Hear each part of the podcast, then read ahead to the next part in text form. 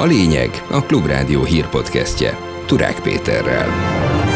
Online lakógyűlése hívja a budapestieket Karácsony Gergely. Budapest jövőjéről van szó. Két témában kérjük majd a budapestiek döntését. Blokkoló órát kéne használniuk a kórházakban az orvosoknak. A szakértő win-win szituációnak nevezte a rendszert, és szerinte kiderülhet, hogy mekkora a hiány az egészségügyben. Ki fog az is bukni, hogy mekkora hiány van egészségügyi dolgozóban, Jönnek a boltokban a kötelező akciók. Megint mindent, csak a kiskereskedőnek a saját árrésel terhére kell majd a megoldásokban keresni.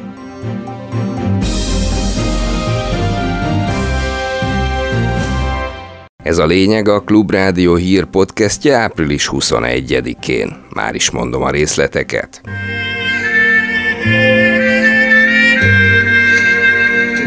Bejelentette az úgynevezett fővárosi lakógyűlés elindítását Karácsony Gergely. A főpolgármester szerint fontos, hogy a főváros lakói a jövőben közvetlenül legyenek bevonva a különböző döntések meghozatalába. Ezért azt ígéri, gyakran használni fogják ezt az eszközt.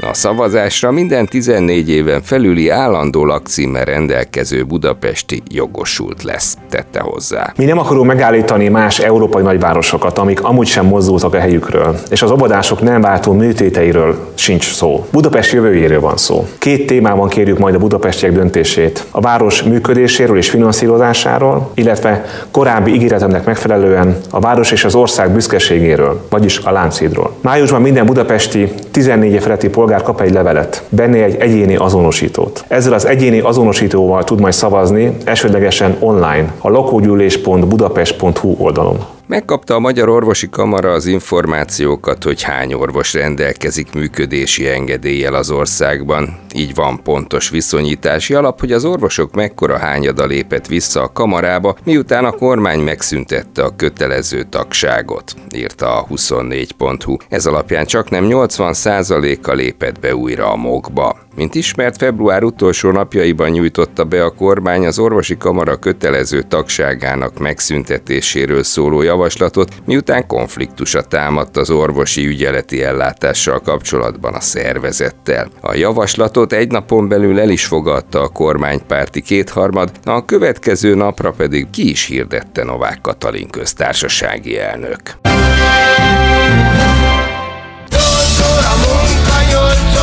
pihenés, 8 óra szórakozás, 8 óra munka.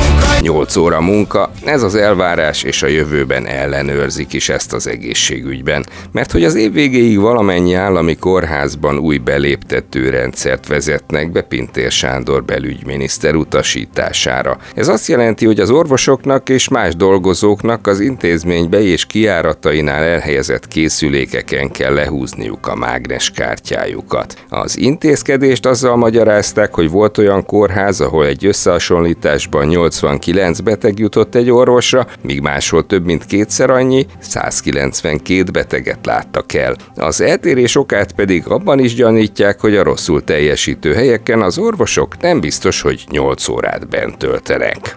Mindenki nyerhet a rendszerrel, ezt mondta a Klubrádiónak Kunet Zsombor mentőorvos, egészségügyi rendszerfejlesztő. Szerinte még az is kiderülhet a beléptetésekből, hogy mekkora hiányjal küzd az egészségügy. Nincsen az a probléma, hogy a munkáltató szeretné, hogyha a munkavállaló abban az időben, amit ő kifizet, rendelkezésre áll és végezze a munkáját. Sőt, én azt gondolom, hogy ez megint egy olyan intézkedés, ami az orvosi karnak még a javára is válhat, mert rengeteg olyan egészségügyi egészségügyi dolgozó van, és nem csak orvos, hanem szakdolgozók, akik 9-10 órát dolgoznak. Ők pedig a jogos túlórájukat kaphatják így meg. Ki fog az is bukni, hogy mekkora hiány van. Hány és hány olyan egészségügyi dolgozó van, aki a jogszabályt kénytelen, kelletlen megszegi, hogy több helyen többet dolgozik, mint amennyit maga a jogszabály megenged. Ha 8 óránál kevesebb és több munkára egyformán vonatkozik a rendszer, akkor támogatják azt. Így reagált Elek Norbert, a Magyar Orvosok Szakszervezetének csoportvezetője. Biztos vannak olyan példák is, amiket felemlegetnek, hogy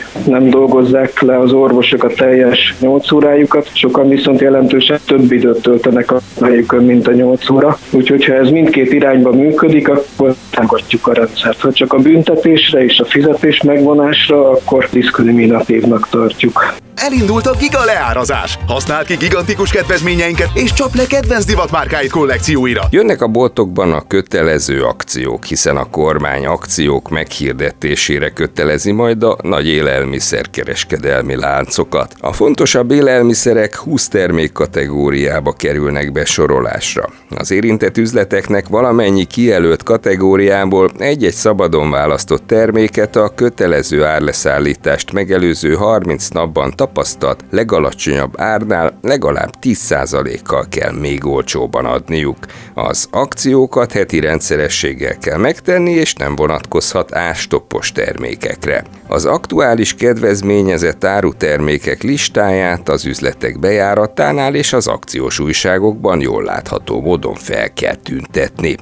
Az akciózás mindig is jelen volt a kereskedelemben, az újdonság az, hogy ezt most az állam határozza meg, mondta a Klubrádiónak Neubauer Katalin, a Magyar Nemzeti Kereskedelmi Szövetség főtitkára. Az akciózás természeténél fogva mindig jelen volt a kereskedelemben, olyan még nem volt a életünkben, hogy ezt az állam határozta volna, meg ez majd egy új felvonás lesz. Úgy érezzük, hogy ez is egy olyan piacszabályozás, ami, mint láttuk a hatósági árnál egyáltalán nem volt jó hatása az inflációra, megint mindent, egyszer csak a kiskereskedőnek a saját árrése terhére kell majd a megoldásokban keresni, és kell majd azt az akciózási technikát teljes egészében megváltoztatni, mint amit eddig folytatott az országgyűlés békepárti határozatáról. Ezzel a címmel küldött levelet a kormány az olyan e-mail címekre, amelyeket még a koronavírus elleni oltás miatt adtak meg az emberek.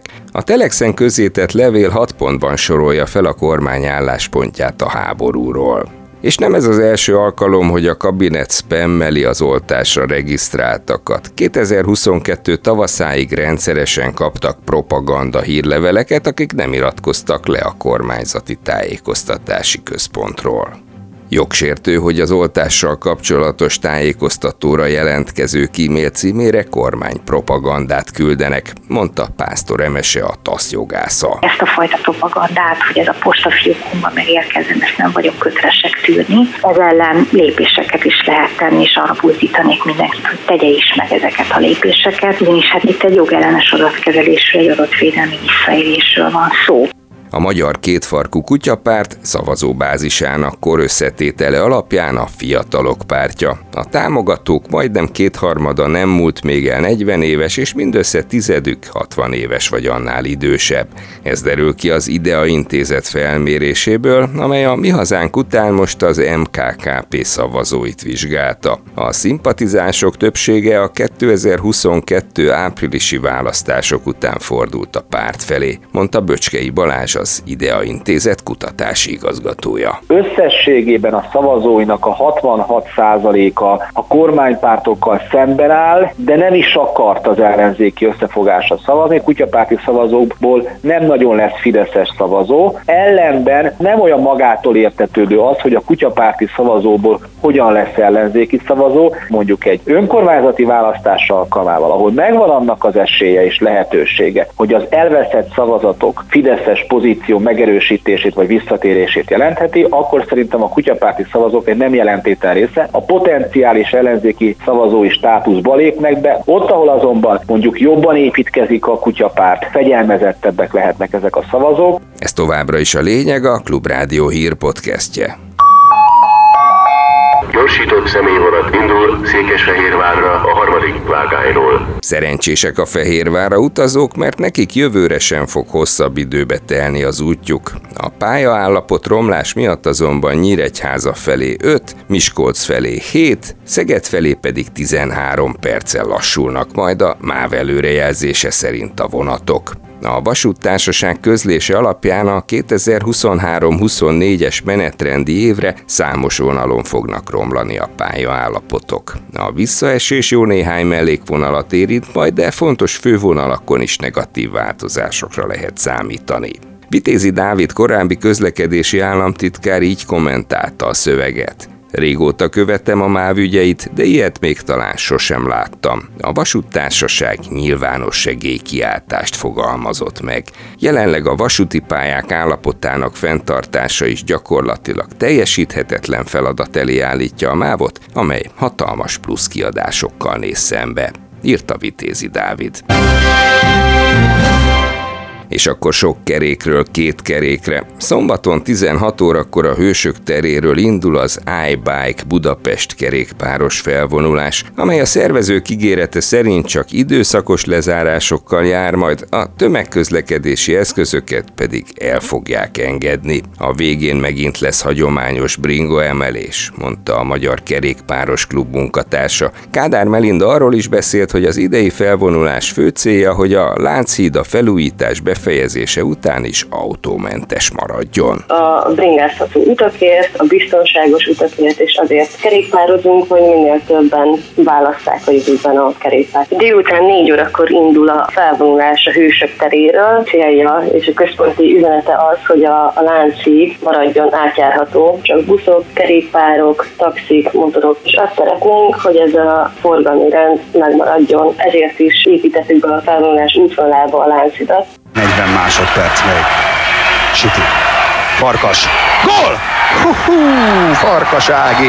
Hova lőtte, még rántál csak most eszmél szerintem. Április 21-én ünnepli 50. születésnapját Farkas Ágnes olimpiai és világbajnoki ezüstérmes, Európa bajnok kézilabdázó. A 9. kerületben született Farkas az építők SC-ben nevelkedett, majd a Spartakuszban, a Fradiban és a Dunafer csapatában szerepelt. Külföldön játszott Németországban, Horvátországban és Dániában is. A válogatottban 206 mérkőzésen 944 gólt lőtt, és tagja a sportági hírességek csarnokának is. 2012 óta Kőszegen él. A hobbija csak nem két évtizede a régiségek, különböző fából készült tárgyak megmentése, restaurálása. Ezt olyan komoly szinten műveli, hogy az 1700-as évekből származó kőszegi Pieta szobrot is ő hozta rendbe.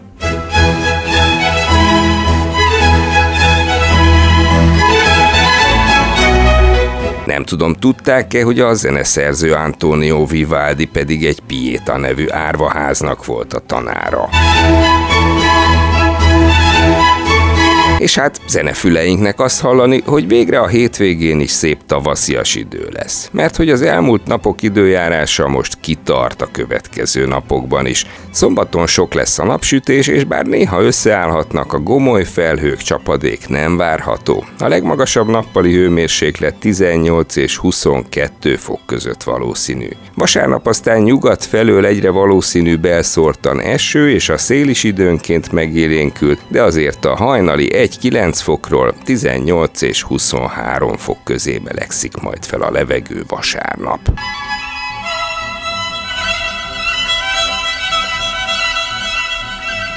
Vivaldi tavaszával búcsúzom mára, ez volt a lényeg a Klubrádió hírpodcastje 2023. április 21-én. Iratkozzon fel csatornánkra, hogy hétköznap délutánonként meghallgathassa hír összefoglalónkat. Munkatársaim Kemény Dániel és Selmec János nevében is köszönöm a figyelmüket. Turák Pétert hallották. Ez volt a lényeg. A Klubrádió hírpodcastjét hallották.